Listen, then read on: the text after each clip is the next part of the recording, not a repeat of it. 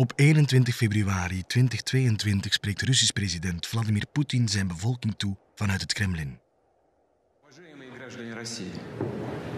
Дорогие друзья, тема моего выступления – события на Украине.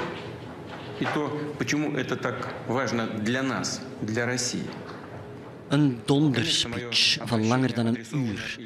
Hij erkent Donetsk en Luhansk in het oosten van Oekraïne als onafhankelijke volksrepublieken. Drie dagen later valt zijn leger het land binnen en de rest is geschiedenis. Poetin, spion, premier, president, krijgsheer en nu ook geschiedenisleraar. Want vorige zomer publiceerde hij een essay met de titel Over de historische eenheid van Russen en Oekraïners. Hij is dus niet aan zijn proefstuk toe. Wat is de volgende stap? Zijn eigen podcast? Вместе с тем, для понимания того, что же все-таки сегодня происходит, для объяснения мотивов действий России и тех целей, которые мы перед собой ставим, нужно хотя бы несколько слов сказать об истории вопроса. Hier zegt hij het. We moeten de geschiedenis begrijpen. Zijn oorlog heeft twee drijfveren. Eén, Oekraïners zijn geen volk, hebben geen eigen geschiedenis. En twee, Zuid- en Oost-Oekraïne zijn historisch gezien Russisch. Beste luisteraars, beste Vladimir, luistert jij ook maar. Welkom bij Geschiedenis voor Herbeginners.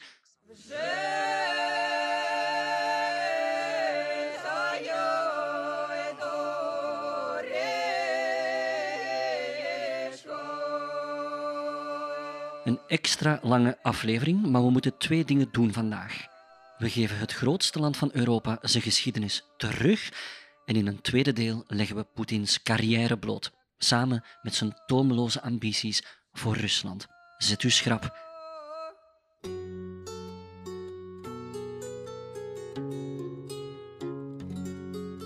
Onze eerste gast heet Dmitri. Hij is driekwart Oekraïens, werd vlak na de val van de Sovjet-Unie geboren en hij is getogen in Moskou. Nu woont hij in Leuven en hij is een luisteraar van onze podcast van het eerste uur.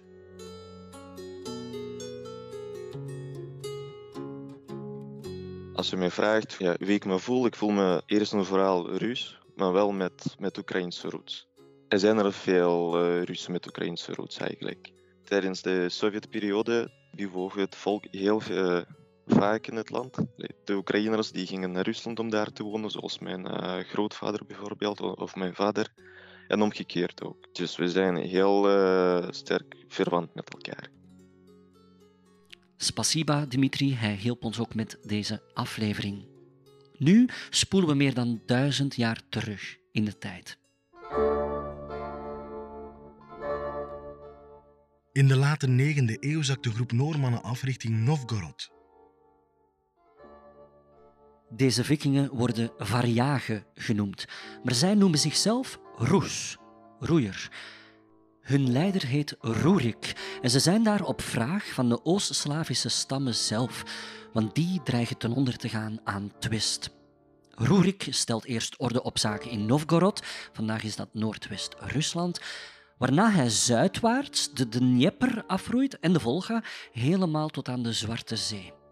De Scandinavische veroveraars vermengen zich met de Oost-Slaven en onder de dynastie van Rurik wordt Kiev de hoofdstad van een echt handelsrijk met de naam Kiev-Rus. Kiev ligt strategisch aan de Dnieper, de zuidelijke handelsetappe tussen de Baltische Zee en het schat hemelrijke Constantinopel, een christelijke hotspot die als een magneet werkt op Roes. Want op het einde van de 10e eeuw, een eeuw dus na Rurik, is de grootvorst van Kiev op zoek naar een staatsgodsdienst. Zijn naam? De Russen noemen hem Vladimir, zoals Poetin eigenlijk. En de Oekraïners Volodymyr, zoals Zelensky. Hij stuurt gezanten naar verschillende godsdiensten, maar uiteindelijk laat hij zich dopen in het Byzantijnse christendom. En hij doet dit op de Krim, op een Byzantijnse nederzetting.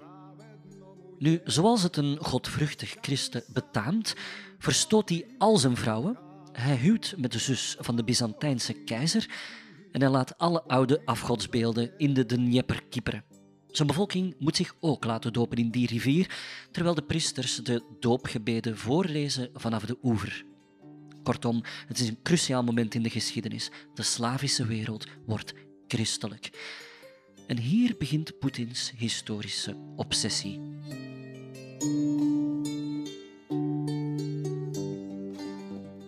die aandacht voor geschiedenis is er altijd geweest, maar wat wel heel boeiend is om, om te zien in die evolutie, hè, hij is ondertussen nu 22 jaar aan de macht, is dat dat vooral vroeger was focus op de Tweede Wereldoorlog en dat dat geleidelijk aan is verschoven steeds verder in de geschiedenis en uiteindelijk zelfs Kiev-Roes. U hoorde Lien Verpoest, professor Russische geschiedenis aan de KU Leuven. Uiteraard staat haar telefoon roodgloeiend deze dagen, maar ze maakte toch graag tijd voor ons om mee te reizen door onze chroniek. Poetin noemt Kiev-Roes vaak het antieke Rusland, maar dat mag niet. Roes en Rus zijn geen synoniemen. Het Kievse Rijk is een soort oermoederland voor zowel Oekraïne als Rusland. Maar voor Poetin is het dus een soort proto-Rusland. En hij beschrijft het graag als een machtige eenheidsstaat. Maar ook dat klopt niet. Er was veel chaos. Broedermoord bijvoorbeeld was een vast onderdeel van de politieke stoelendans. En Kiev-Rus is eerder een losse federatie van verschillende vorstendommen, die ook vaak een verschillende koers varen, waaronder Novgorod, waar ons verhaal begon, of iets meer naar het zuidoosten, een met een heel mooie naam, vind ik, Moscovië. Opvallend, Moscovië komt pas in de 12e eeuw kijken. Kiev was al een metropool toen Moskou nog een boerengat was. Oekraïense historici die vinden vandaag van Russische dat zij het Kievse Rijk wel eens te gemakkelijk voor Rusland opeisen jullie denken dat Kiev Roes jullie bakermat is, maar wij vinden eigenlijk dat jullie zouden moeten beginnen eerder met Moscovië of uh, Novgorod, het Noordoosten, dat, dat was jullie begin en ons begin was Kiev Roes. Dat was een soort, ik ga niet zeggen een gentleman's agreement, maar dat was, daar, was, daar werd geen oorlog om gevoerd. Oké, okay. Kiev Roes wordt dus gesticht in de 9e eeuw. En het zingt het uit tot in de 13e eeuw. Want ja, dan is er wat ik graag noem die grote Ctrl-Alt-Delete op vier hoeven. U hoort ze al aandraven vanuit het oosten. In 1240 verschijnen de Mongoolse hordes aan de horizon van Kiev. En ze maken hun naam waar. Ze plunderen Kiev, ze branden gebouwen plat en ze jagen zo'n 50.000 mensen over de kling de macht van het Kievse Rijk is gebroken. Maar het Mongoolse Rijk, dat valt een kleine eeuw later al in stukken. Dan zitten we in de vroege 14e eeuw. Wat gebeurt er met de oude landen van Rus? Die gaan naar drie nieuwe machten. De zuidelijke, zeg maar het zuiden van Oekraïne, gaan naar een Mongoolse opvolgerstaat met een ronkende naam, de Gouden Horde. Die bezitten trouwens ook de Krim, maar daarover later veel meer. De noordelijke landen van Roes gaan naar Moscovië, dat eerst een soort vazalstaat is van de Gouden Horde, maar zich ervan zal ontworstelen. En alle gebieden ertussen, de rest van Oekraïne, waaronder ook Kiev, gaan naar een derde speler, een opkomende grootmacht in Oost-Europa, het Groothertogdom Litouwen. Voor Oekraïne geldt dus, het wordt verdeeld onder Mongolen en Litouwers. Ik heb een paar keer het woord Oekraïne gebruikt. Dat is eigenlijk een anachronisme. We bedoelen het huidige Oekraïne. Namen als Oekraïners en Russen bestaan nog niet in de middeleeuwen. Historisch spreken we van Roetenen voor Oekraïners, dat komt nog van Roes, en Moscoviërs of Moscovieten. Nu moeten we het even over Litouwen hebben. Halfweg de 14e eeuw gaat dat land een personele unie aan, een dynastieke unie is dat, met Polen. En halfweg de 16e eeuw vormen ze daar zelfs één land mee, het zogenoemde gemene best Polen-Litouwen.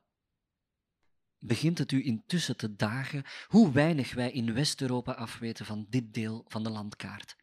Polen-Litouwen is een land dat veel te weinig bestudeerd wordt en toch in zijn tijd het grootste land van Europa. Zo dus Oekraïne heeft een historische band met Rusland, dat klopt, maar ook met Polen. Dat geldt trouwens ook voor Wit-Rusland. Toch is dit opvallend afwezig in Poetins narratief. De geschiedenissen van Oekraïne en Rusland drijven nu uit elkaar. Vier eeuwen lang ontwikkelt Oekraïne zijn eigen identiteit en ook zijn eigen geloof. Ook daar heeft Poetin zo zijn eigen mening over. Издавна жители юго-западных исторических древнерусских земель называли себя русскими и православными. Om de haverklap haalt hij het geloof aan. Ze hebben altijd één godsdienst gehad, dankzij die Vladimir de Heilige. Maar ook dat snijdt maar gedeeltelijk hout.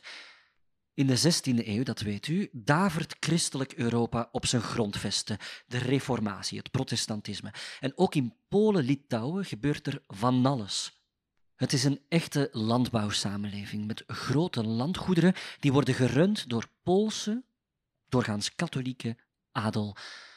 In Oost-Oekraïne blijven de meeste mensen gewoon orthodox, christelijk, maar in de West-Oekraïnse delen wordt een bijzondere kerk opgericht door een deal met het Vaticaan. De Routeense geunieerde kerk. En dat is heel uniek, want de taal is Oekraïens, de ritus is orthodox, maar ze valt wel onder Rome. Dus ja, sorry Poetin, de kerken ontwikkelen zich ook apart. Vandaag speelt godsdienst een grote rol in de oorlog. De patriarch van Moskou, die heet Kirill, dat is het hoofd van de Russisch-orthodoxe kerk. Bijzonder is dat hij ook een miljardair is en door Poetin indien nodig wel eens gebruikt wordt als minister van religieuze zaken, zoiets. Maar in 2019 scheurde de Oekraïens-orthodoxe kerk zich af van de Russische. Die was in één klap haar 12.000 Oekraïense parochies kwijt. En dat moet gepikt hebben. Om u een idee te geven, wereldwijd zijn er ongeveer 300 miljoen christelijk-orthodoxen, onder wie 100 miljoen Russisch-orthodoxen tegenover nu 40 miljoen Oekraïens-orthodoxen.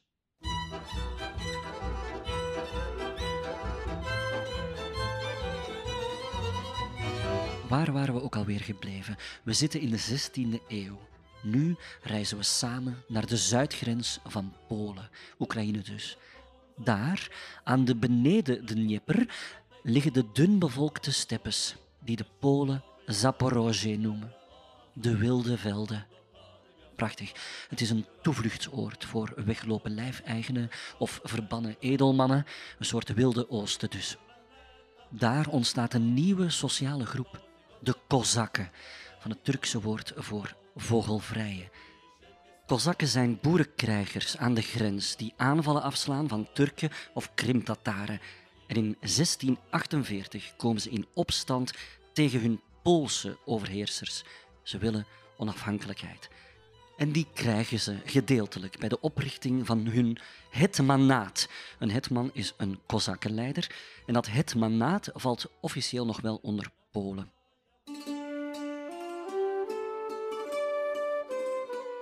Maar we gaan eens over de grens kijken. Intussen is er in buurland Moscovië ook heel veel gebeurd. Het heeft nu een tsaar, het Slavische woord voor keizer, en het is volop bezig met de regio te koloniseren. Vele Kozakken voelen wel een culturele affiniteit met Moscovië, zonder dat ze er per se deel van willen uitmaken. Er is toenadering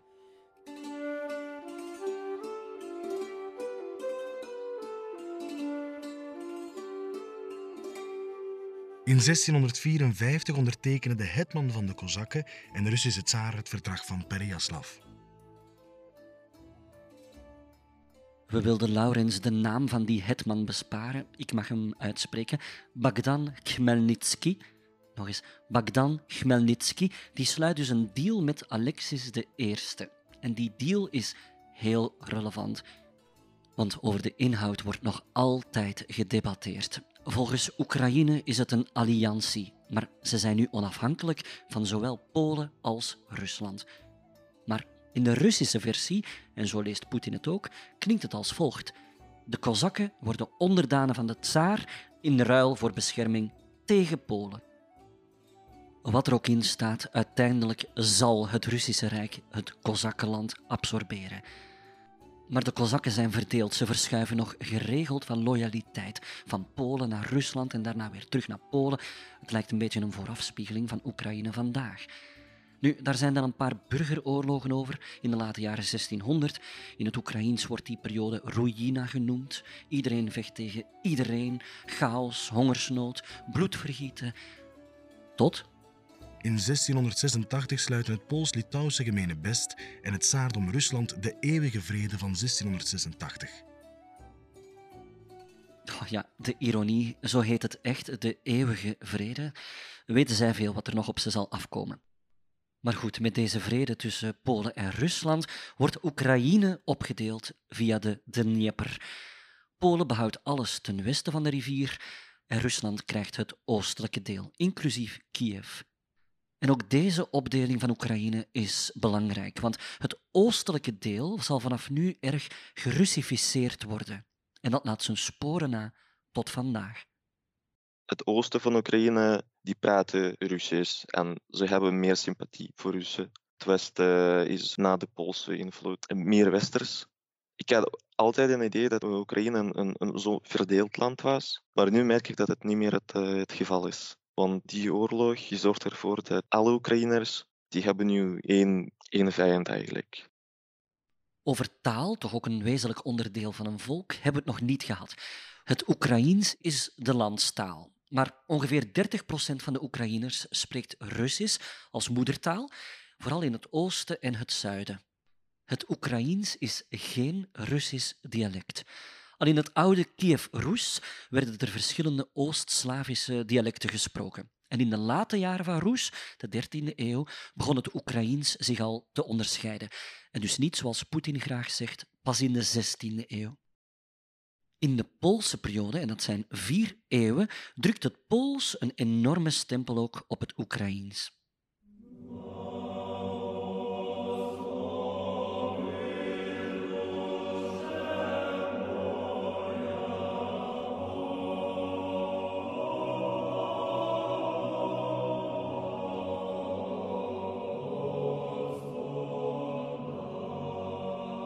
Terug naar ons verhaal. Oost-Oekraïne gaat dus naar het Russische Rijk. Maar de relatie is zuur. Een voorbeeldje. In 1708 keert de hetman Ivan Mazepa zich tegen de tsaar. Peter de Grote is dat. Hij collaboreert zelfs met de vijand, Zweden. Er is dan een oorlog bezig, de Grote Noordse Oorlog tussen 1700 en 1721. Naast een taal en religie heeft een volk ook helden nodig. En deze Ivan Mazepa is voor Oekraïners een verzetstrijder. Voor de Russen is hij een haatfiguur. En het gaat ver. Tot 1869 zal zijn naam in Russische kerken worden vervloekt op elke eerste zondag van de vasten. Door zijn verraad wordt elke vorm van zelfbestuur door de Russen vermorzeld. En aan het einde van de 18e eeuw wordt het hetmanaat helemaal ontmanteld. En alle Oekraïense boeren worden lijfeigenen van de tsarina Katarina de Grote. Dit zijn de expansiejaren van het Russische Rijk. En de Oekraïense taal, cultuur, kerk, geschiedenis worden hard onderdrukt.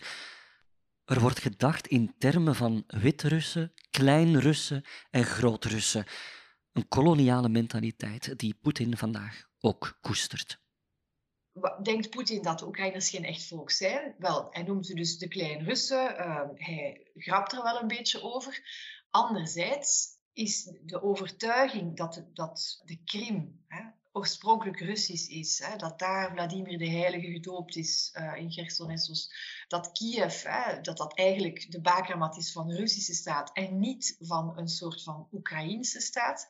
Die overtuiging, in mijn indruk, is gradueel gegroeid. Hè. En ik denk dat daar nu zelfs een, een blind geloof is. En dat geeft, hoe groter de overtuiging en de, de, Russische focus op Oekraïne is geworden, hoe minder ruimte er is geweest voor de Oekraïnse geschiedenis.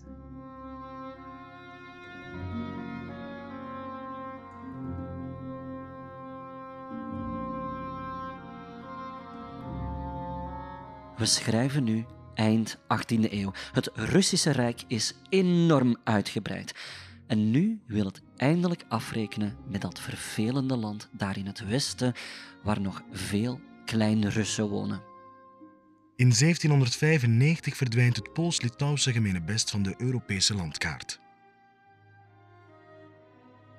Ja, van die eeuwige vrede blijft weinig over. De Poolse delingen, zo wordt het eufemistisch genoemd. Drie grootmachten, Pruisen, Oostenrijk en Rusland, verdelen onder elkander het zwakke Polen-Litouwen. En Catharina de Grote slokt heel Oekraïne op, behalve sorry, het uiterste westen, Galicië, dat gaat naar Oostenrijk. In Galicië ligt vandaag de stad Lviv, of zoals de Polen het noemen, Lvov, of zoals de Oostenrijkers het noemen, Lemberg. Een stad die altijd een beetje anders is geweest dan de rest van Oekraïne. Ze ziet er een beetje uit als een klein Wenen. We hebben nog niet zoveel gesproken over het zuiden van Oekraïne, richting Zwarte Zee.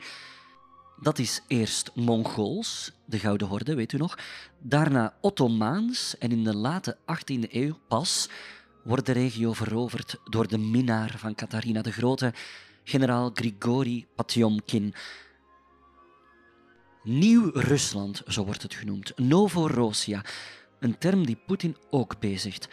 Vandaag liggen daar Odessa, Gerson, Mykolaiv, Mariupol, maar ook Donetsk. En de Krim is de parel op de kroon.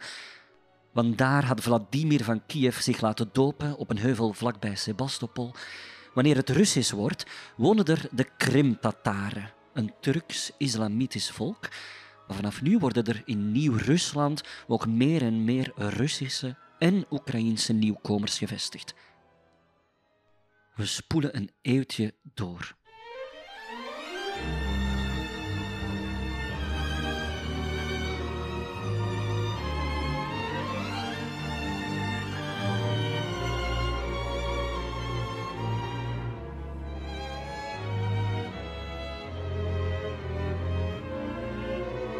In 1876 vaardigt tsaar Alexander II een geheim besluit uit dat alle publicaties in het Oekraïens verbiedt in heel het Russische Rijk. De Oekraïners die trouw zijn aan het systeem, kleine Russen, worden bevoordeeld. Lastige elementen worden verbannen, ontslagen, opgesloten. In de 19e eeuw is het Russische Rijk op zijn hoogtepunt. En we denken dat dit Poetins is. Een sterk Russisch imperium, geënt op die triade, autocratie, orthodoxie en nationalisme. En dat is eigenlijk, autocratie wordt dan vervangen door een sterke staat, hè. maar dat is iets wat heel belangrijk is. En voor het conflict in Oekraïne zie je ook nu, Oekraïne had op dat moment geen enkele stem. Oekraïne was helemaal opgenomen, was een sterke Russificatiepolitiek. Oekraïne wordt door Poetin zelf gezegd, is een creatie van de Sovjet-Unie. Dus wat hij nu doet, is vooral gaan kijken naar hoe was Oekraïne daarvoor. Ah, Oekraïne was van ons. Maar de 19e eeuw is de eeuw van het ontwakende nationalisme, eh, de romantiek. Oekraïners zoeken hun identiteit. Vanaf nu wordt de naam Oekraïne ook meer en meer gebruikt. Letterlijk betekent het grensland. En de 19e eeuw is ook de eeuw van de industrialisatie. En die vindt vooral plaats in het uiterste oosten. In de Donbass, het Donetskbekken, met zijn steenkoolvoorraden en metaalindustrie. De stad Donetsk wordt gesticht door een Britse industrieel, John Hughes. En de regio trekt nu heel veel Russische arbeiders aan. En die gaan gestaag maar zeker de meerderheid uitmaken. Dan ronden we nu de kaap van de 20e eeuw.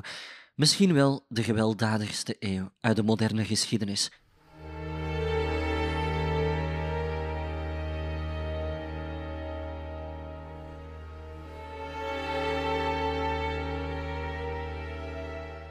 Op 7 augustus 1914 verklaart Rusland de oorlog aan Duitsland. In de Eerste Wereldoorlog doet het Russische leger het goed tegen Oostenrijk en het verovert Galicië, Lemberg en omstreken. Maar uiteindelijk slaagt de vijand erin het Russische leger terug te drijven en Rusland boekt nu het ene verlies na het andere. Met de Oktoberrevolutie van 1917 stort het Russische Rijk in elkaar. Het moment voor de Oekraïners om hun eigen staat uit te roepen. En dat doen ze. Ze zijn ook bereid om ervoor te strijden met een eigen leger. Maar ze zijn opnieuw de dupe, want de Russische burgeroorlog breekt uit. Op twee jaar tijd valt Kiev 16 keer in andere handen.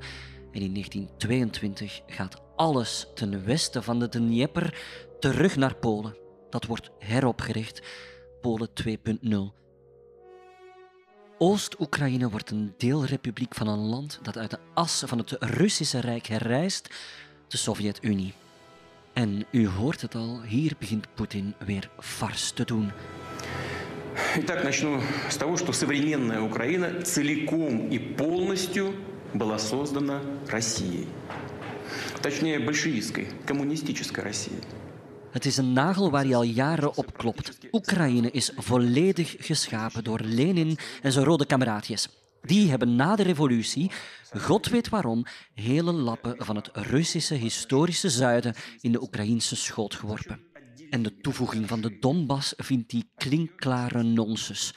De Bolsjewieken maakten dus een historische fout, zonder rekening te houden met miljoenen Russen. Ja, sorry, hier moeten we hem toch ook op een paar denkfoutjes wijzen. Als er echt geen Oekraïns volksgevoel was, dan hadden ze daar toch zeker geen aparte deelrepubliek van gemaakt. En een volkstelling uit 1926 telde veel meer etnische Oekraïners dan Russen. En daar aan de Zwarte Zee, Nieuw-Rusland, daar woonden voor de 19e eeuw amper Russen. Dus ja, om dat nu het Russische historische zuiden te noemen, niet. Terug naar ons verhaal. Tijdens deze turbulente jaren krijgt het Oekraïens volksgevoel een boost. Maar dat is iets waar Lenins opvolger korte metten mee wil maken.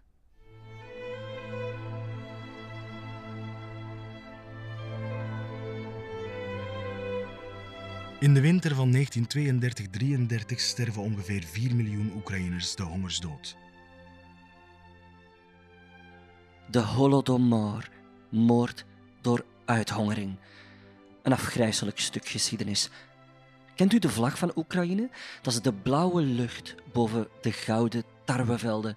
Want het land heeft een wel heel belangrijke troef: zwarte aarde. Chernozem, de vruchtbaarste grond ter wereld. Poetin trouwens, ook die, die weet dat maar al te goed. Sinds de Russische invasie reizen de graanprijzen wereldwijd de pan uit. Stalin die collectiviseert de landbouw, want hij wil zoveel mogelijk graan exporteren. Maar zijn vijfjarenplannen mislukken compleet. En dat opstandige Oekraïne, de graanschuur toch wel, betaalt het gelag. Al het graan gaat naar de rest van de Sovjet-Unie. Het wordt een litteken in het Oekraïens nationaal bewustzijn, maar het is verboden in de Sovjet-Unie om erover te praten. Stalin liquideert de culturele elite, de kerk ook, en hij zwengelt heel dat idee van groot en klein Russen weer aan. Vandaag wordt de Holodomor steeds meer erkend als genocide, maar niet door Rusland. Onder Poetin werd de figuur van Stalin ook gerehabiliteerd en zijn gruweldaden met de mantel der liefde bedekt.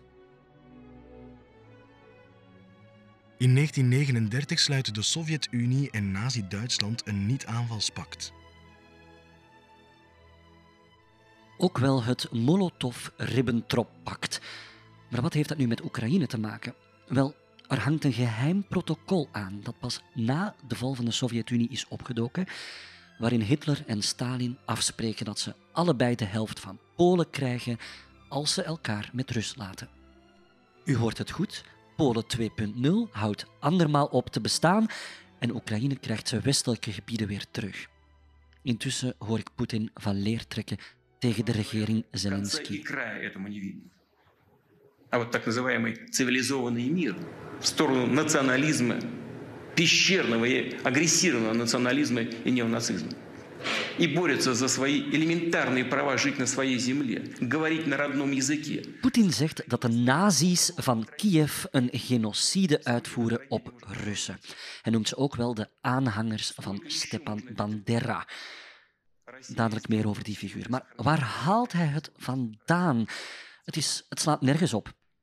Ik vind hier op www.kremlin.ru een heel gebruiksvriendelijk contactformulier. Ik ga het hem gewoon sturen. Dear Mr. President, Dear Valodia, did you know that President Zelensky is Jewish? Alle gekheid op een stokje. Poetin roert hier de trom van een heel gevoelig stuk geschiedenis. Voor Russen is de grote vaderlandse oorlog, de overwinning op de nazi's, een zaak van eer. Tussen de 20 en 30 miljoen Sovjets zijn omgekomen. En het is zo, in Oekraïne wordt er gecollaboreerd, vooral in Galicië. In Lviv wonen ook heel veel Joden. Er zijn Oekraïners die bevrijders zien in de nazi's, ook al bezetten die heel Oekraïne drie jaar lang. De schaal van menselijk lijden gaat ons verstand te boven. 7 miljoen Oekraïners komen om, inclusief Joden. In Kiev bevindt zich een van de grootste massagraven van Europa, Babin Yar, een ravijn waarop twee dagen tienduizenden mensen werden gefusilleerd. En die Stepan Bandera die leidt een beweging die hand- en spandiensten verleent, maar uiteindelijk gaat hij ook voor de nazi's te ver. Hij durft om onafhankelijkheid te vragen. Vandaag is Bandera de duivel voor Polen en Russen, maar Oekraïne heeft hem in ere hersteld. Hij was hooguit een nationalist, geen fascist. En dat pikt. Ja, radicaal rechts is toegenomen in Oekraïne, maar zeker niet van die aard dat Oekraïne moet worden gedenazificeerd. Ook Poetins woorden. Trouwens, ook op de Krim gaat het er in de Tweede Wereldoorlog zeer vreedaardig aan toe. De Krim is nog altijd Russisch op dat ogenblik. En Stalin die laat in zijn paranoia voor collaborateurs alle Krim-Tataren deporteren naar Oezbekistan met tienduizenden doden. Ook dit komt in aanmerking voor genocide. De gevolgen zijn belangrijk voor ons verhaal, want na deze deportaties vormen etnische Russen de meerderheid op de Krim.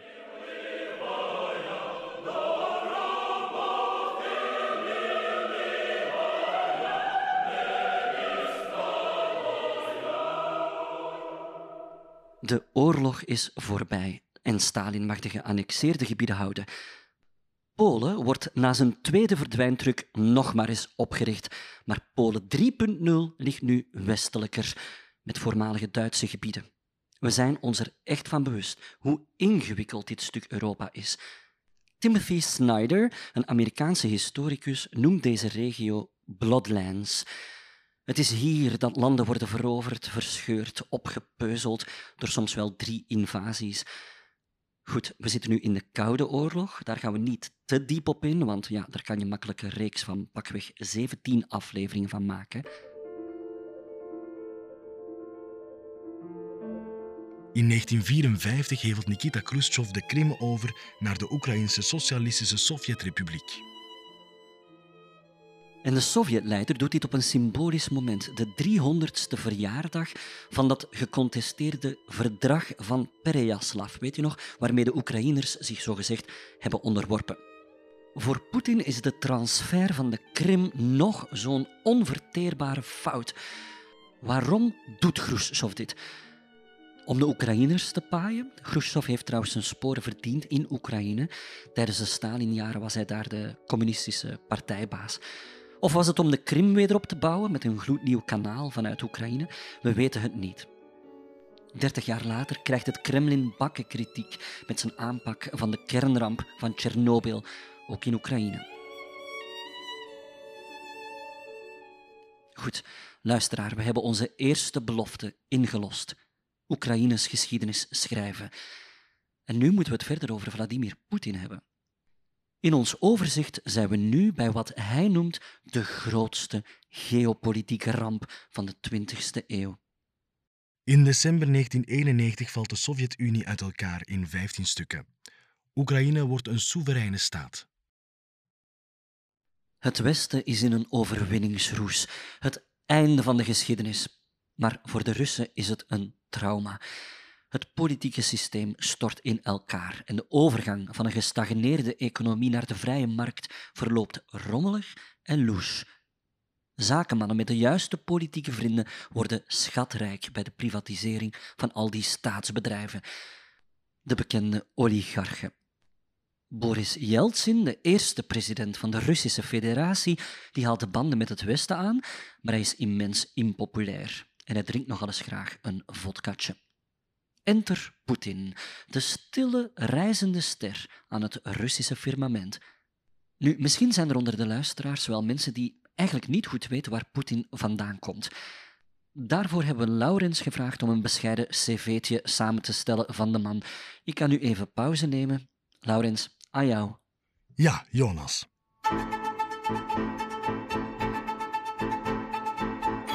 Wanneer de Berlijnse muur valt, is Poetin net geen 40 en is hij actief als spion voor de KGB in Oost-Duitsland.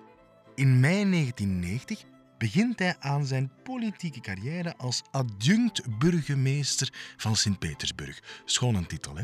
In die hoedanigheid dan klimt hij op door banden aan te knopen met de inlichtingendiensten, de georganiseerde misdaad en de oligarchen. En in 1999 wordt hij aangesteld als premier. En in maart 2000 al volgt hij Yeltsin op als president. Hij ontpopt zich meteen als oorlogspresident, want ja, de Tsjetsjeense separatisten die doen Rusland opschrikken met aanslagen.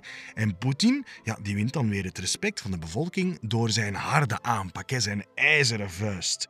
De oorlog in Tsjetsjenië ja, die zorgt dat zijn waarderingscijfers ineens omhoog gaan. En die pieken maar. Ook al zijn er heel wat journalisten die in sommige aanslagen zelfs de hand van de Russische geheime dienst zelf zien eigenlijk. Oligarchen die hem steunen, ja, die worden beloond. Afvalligen, die worden vervolgd, zoals Michail Khodorkovsky, de rijkste Rus, die vanaf 2003 een celstraf uitzit van 10 jaar voor fraude. Eerst zijn de relaties met het buitenland oké. zo bezoekt hij president Bush op Camp David.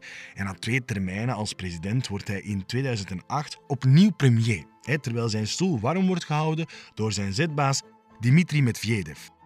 Tijdens zijn premierschap wordt de macht van de premier ineens uitgebreid. Maar wanneer in 2012 hij opnieuw president wordt, ja, dan wordt de presidentiële macht ineens weer vergroot. Poetin is dus opnieuw president en verstevigt nu dus zijn autoritaire koers, waarbij hij gebruik maakt van de staatsmedia. Mensenrechten ja, die worden stilletjes aan banden gelegd. Het eerste vage teken daarvan is de aanpak van Pussy Riot, een feministische en LGBT-vriendelijke punkband. Je kent die wel, dat zijn die met hun bivakmutsen. Mensen die zich openlijk verzetten, ja, wordt het leven zuur gemaakt. Of in ware koude oorlogsstijl zelfs geliquideerd. Alexander Litvinenko, Boris Nemtsov, Sergei Skripal of Alexei Navalny, officieel heeft het Kremlin daar allemaal niets mee te maken. Relaties met het buitenland ja, die geraken dus verzuurd. In Syrië steunt hij het regime Assad en Russische bombardementen maken meer burgerslachtoffers dan bij Islamitische Staat. Poetin die heeft ook nog eens een keer een cyberleger. En ja, dat gaat de verkiezingen in het Westen beïnvloeden, zoals de Europese van 2019 of de Amerikaanse van 2016, waarbij Trump in het Witte Huis belandde. Hier in het Westen hebben we Poetin jaar na jaar zien vervellen tot een wel zeer autoritaire president. We vroegen professor Verpoest van waar zijn draagvlak bij de bevolking komt. De jaren 90 worden heel lang gepercipieerd als een periode van zwakte voor Rusland. In 1998 was er een zeer zware crisis. Ik was daar in 1999. Ik zag heel veel bijvoorbeeld bejaarde mensen die um, ja, op de tram werkten als, als controleur van ticketjes. Of allee, echt ook nog zware jobs moesten doen. Want die gewoon geen, die hadden een inkomen, allee, een pensioen van omgerekend 80 euro of zo. Dus die kwamen op geen enkele manier kwamen die rond. En dan komt daar een jonge technocraat, hè, die eigenlijk naar voren geschoold wordt met een FSB-verleden, maar ook met een, uh, die lang in de presidentiële administratie had gewerkt. En dus een, een vitaal persoon, hè, een no-nonsense persoon die klare taal spreekt, hand in hand met zijn uh, toch wat sterker imago, heb je ook een, een economisch herstel. Hè. Je hebt stijgende energieprijzen. Uh, Rusland haalt, zoals jullie weten, een heel groot deel van de inkomsten uit gas- en olie-export. Uh, vanaf de jaren 2000 uh, klimt eigenlijk Rusland uit een economisch dal, waardoor je een, een bevolking hebt die hun lonen zien stijgen, die, die veel meer beginnen reizen en toch wel voor een stuk ook naar Poetin kijken als de persoon die dat heeft kunnen bewerkstelligen. Oekraïne was nu ook onafhankelijk. Oekraïne. Even tussendoor, de oudere luisteraars die zeggen misschien nog de Oekraïne, of in het Engels the Ukraine. Maar dan klinkt het wat als een streek daar ergens in het oosten, zoals we dat ook wel eens doen met de Kempen, de Veluwe, de Congo, de Limburg. Nu, het Oekraïens heeft geen lidwoorden. Oké, Poetin zegt dat Oekraïne nooit onafhankelijk wilde zijn.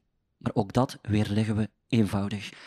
In december 1991 werd een referendum gehouden over de onafhankelijkheid. 90% stemde voor.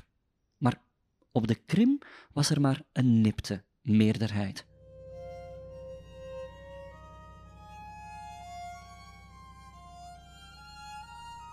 Oekraïne was er nog slechter aan toe dan Rusland. 60% kwijt van zijn bruto binnenlands product. Hyperinflatie, noem maar op. En er stonden ook nog zo'n 200 kernwapens, wat het plots de vierde kernmacht op aarde maakte. Maar daar wilde Oekraïne vanaf. In 1994, met het Budapest-memorandum, verklaarde Oekraïne zich bereid om te ontwapenen en om toe te treden tot het non-proliferatieverdrag op voorwaarde dat de integriteit van Oekraïne beschermd zou blijven. En ook Rusland heeft dit ondertekend. Mij doet het allemaal wat denken aan België, waarvan de neutraliteit ook gegarandeerd werd bij zijn stichting, maar met die noodlottige afloop. De val van de Sovjet-Unie zorgde voor nog een drama. Rusland was nu een geamputeerd imperium, maar met fantoompijn. Wat Poetin ook vaak bejammert, is dat tientallen miljoenen landgenoten zich plots in het buitenland bevonden. In de Russische politiek wordt gesproken over de Blizhneye Zarubezhe, het nabije buitenland, of de voormalige Sovjetlanden.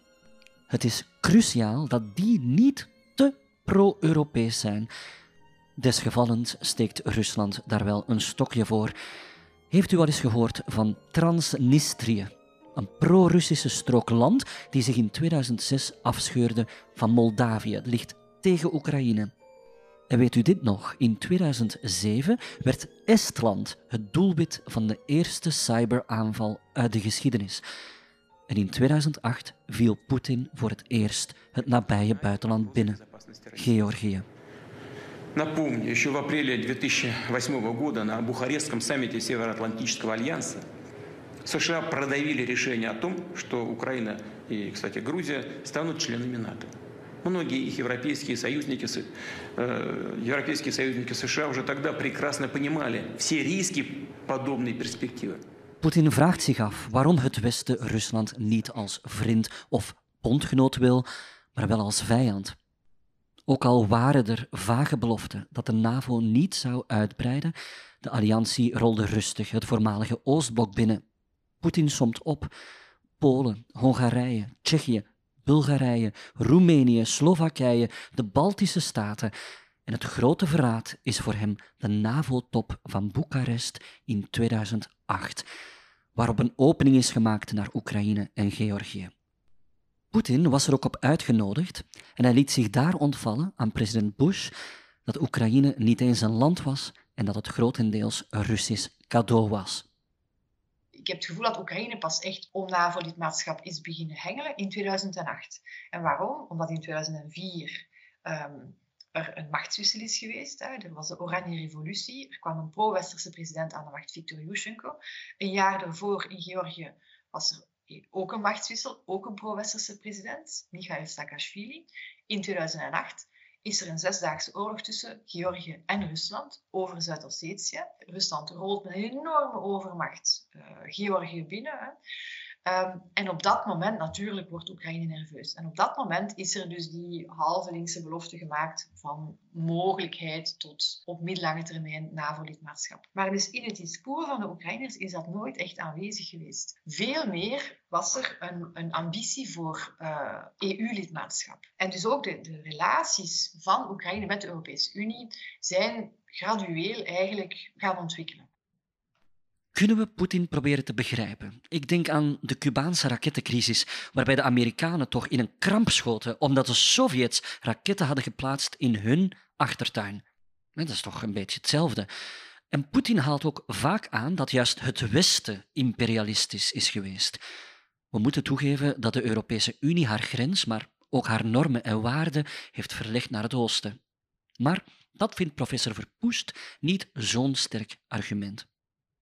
En nu is het gewoon een land dat een ander onafhankelijk land aanvalt. Dan vind ik het toch absurd om te gaan zeggen, ja, we hadden misschien niet moeten, niet moeten provoceren. Dat is alsof je zo uh, uh, door, door een herdershond aangevallen en gebeten wordt en dan zeiden, ja, maar gaat maar niet moeten, moeten kijken naar die hond, want hij heeft niet graag wandelende mensen. En dat is zo, snap je? En dat geeft ook Oekraïne geen stem. In, in dit discours wordt Oekraïne letterlijk als een bufferstaat beschouwd. Maar Oekraïne heeft zich sinds 1991 ook wel enorm ontwikkeld en veel meer op het Westen gericht. Dus in die discussie wordt Oekraïne volledig genegeerd. Hè. Het is echt een soort machtspolitieke discussie waar ik het toch wel moeilijk mee heb, zeker gezien wat er nu gebeurt in, uh, in Oekraïne. In het narratief van Poetin is de oorlog gerechtvaardigd omdat hij Oekraïne en de Russen daar beschermt. Maar is het echt zo simpel als Oekraïners spreken Oekraïens, Russen Russisch? Voor mij slaat het gewoon nergens op. En we kunnen niet zomaar binnen een andere stad een, een, oorlog beginnen om, om, om, om ja, de Russische taal te, te beveiligen. Maar ik heb ook vrienden die in Oekraïne wonen of hebben gewoond. En eh, ze praten allemaal Russisch. En ik heb niet het gevoel dat het ooit voor hun een probleem was om Russisch te praten. Daarnet werd de Oranje Revolutie vermeld in Oekraïne. Dat was in de winter van 2004-5. En ik herinner me dat nog, die mevrouw Julia Timoshenko met haar smaakvolle blonde vlechten. En op de barricades stond Ruslana, de winnares van het Eurovisie Songfestival. Het volk verzette zich toen tegen de verkiezing van Yanukovych, een vriend van het Kremlin. Op die revolutie heeft Poetin echt zijn tanden stuk gebeten. Maar in 2014 kon hij zijn gram halen. Het begon vreedzaam met de Euromaidan-protesten tegen Yanukovych, intussen toch president geworden, maar het ontaarde in een burgeroorlog. Er werd met scherp geschoten op het Maidanplein. Maar uiteindelijk moest Yanukovych de benen nemen naar Rusland. Euromaidan, de naam zegt het zelf, ging niet om de NAVO, maar wel over de EU. En in 2014 zouden ze een associatieakkoord en een, een vrijhandelsakkoord ondertekenen met de Europese Unie. En dat was de doorn in het oog van Rusland en meer specifiek Poetin. Waarom? Omdat Poetin wilde dat Oekraïne bij de Eurasiatische Economische Unie ging. Dus een gelijkaardig integratie, economisch integratiemechanisme. Met het grote verschil dat de Eurasiatische Economische Unie enorm gedomineerd is door Rusland.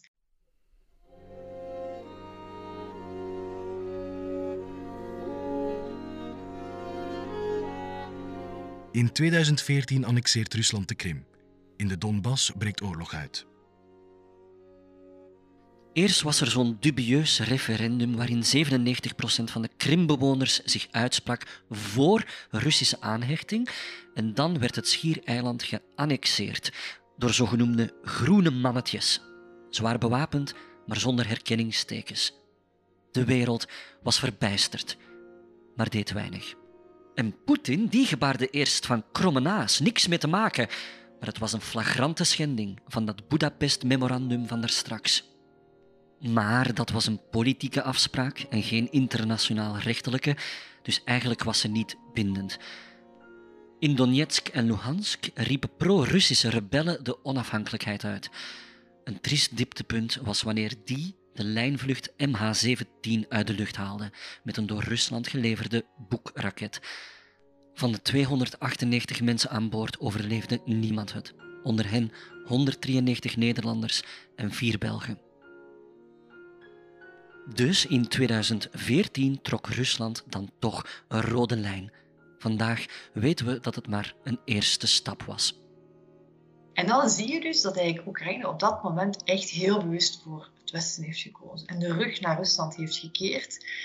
En dat heeft dus denk ik ook heel veel frustratie teweeggebracht uh, in Rusland. Hè. En dus alles wat er nu gebeurt, hè, dat is, de kiem daarvan ligt in, in 2013, 2014. Het conflict bevroor in 2015, met korte heropflakkeringen in 2017 en 2020, net voor corona. In al die jaren stierven 14.000 mensen en sloegen anderhalf miljoen mensen op de vlucht. De Maidan-regering krijgt de volle laag van Poetin. Ze heeft de verwezenlijkingen van de Sovjet-Unie verkwanseld en Oekraïners leven aan de rand van de armoede.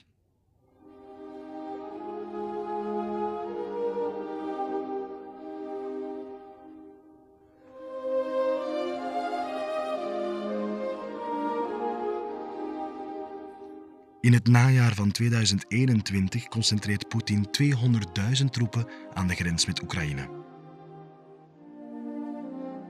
Bij het schrijven van dit verhaal woedt opnieuw oorlog tussen twee Europese landen.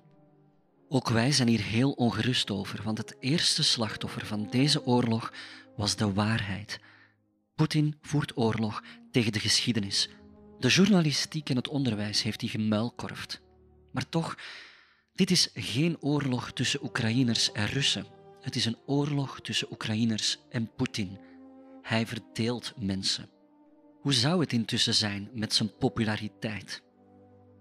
Het is niet meer zoals in zijn gloriejaren, maar het is nog steeds wel zo dat Poetin nog wel gedragen is door de bevolking. Met opnieuw de kanttekening, het feit dat de laatste vrije media is, is uh, sinds twee weken afgevoerd. Dus het is het enige nieuws dat men in Rusland nog kan krijgen, en men wordt ook afgesloten van de wereld momenteel, is van de staatstelevisie en, uh, en sociale media.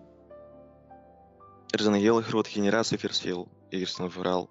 Dus er zijn vooral de jongere mensen die minder aan die propaganda luisteren als we het over oudere generatie hebben.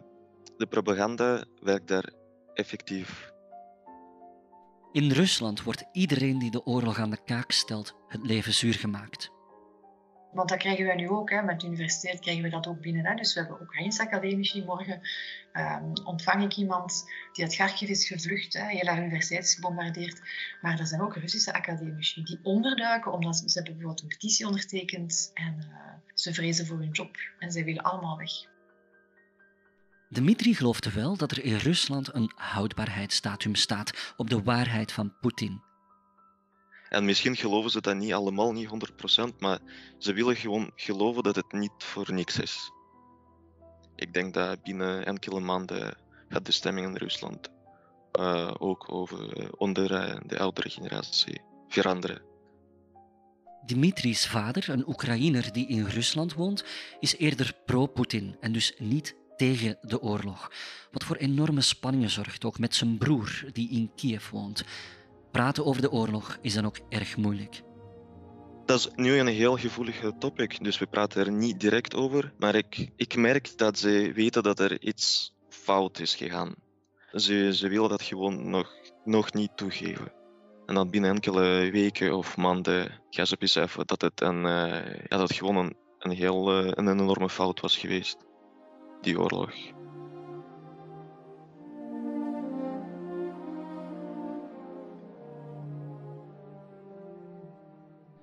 We zijn er voor vandaag. Oekraïners en Russen zijn broedervolkeren, maar hun bloedlijn is omstreden. Hun geschiedenissen zijn sterk verweven, maar niet onlosmakelijk verbonden. En Poetin, de ongekroonde tsaar van alle Russen, heeft het moeilijk met dekolonisatie. En dat Oekraïners geen volk zijn, is je reinste onzin. Na één week oorlog leken 40 miljoen Oekraïners al een sterkere natie dan ooit tevoren. We sluiten af met twee citaten van twee sterke Russische vrouwen, zij het in heel andere betekenissen. Katharina de Grote, de machtigste vrouw uit de Europese geschiedenis, die zei ooit: De enige manier om de Russische grenzen te beveiligen is door ze te verleggen. Oké, we nemen het mee. En dan hebben we Anna Politkovskaya, een van de weinige kritische journalisten, die zei in 2005 in een interview door de Standaard het volgende over de Oranje Revolutie. Oekraïne heeft bewezen dat ook een post-Sovjet-bevolking openstaat voor democratie. In Rusland staan wij daar met grote ogen naar te kijken. Toen ik student geschiedenis was in 2006, was ik haar boek aan het lezen, Poetins Rusland. Op 7 oktober was ik dan ook verbouwereerd toen ik een nieuws hoorde dat ze was doodgeschoten. Iemand in het Kremlin zal blij geweest zijn. Toeval of niet, het was net zijn verjaardag.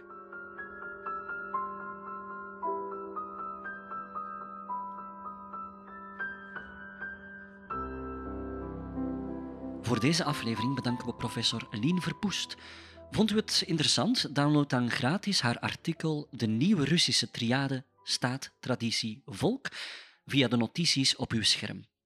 Onze dank gaat ook uit naar Dmitri Kravchenko en Polina Chupia voor hun bijdrage en het controleren van de inhoud.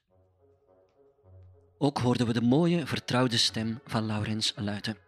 Wij zijn geschiedenis voor herbeginners. Inhoud wordt mee verzorgd door Benjamin Gooivaarts en Laurent Pochet en de montage wordt gedaan door Philip Veekmans. Ik ben Jonas Goosnaerts. Volg ons op Facebook en Instagram. Intussen hoort u de heerlijke noten van Tchaikovsky.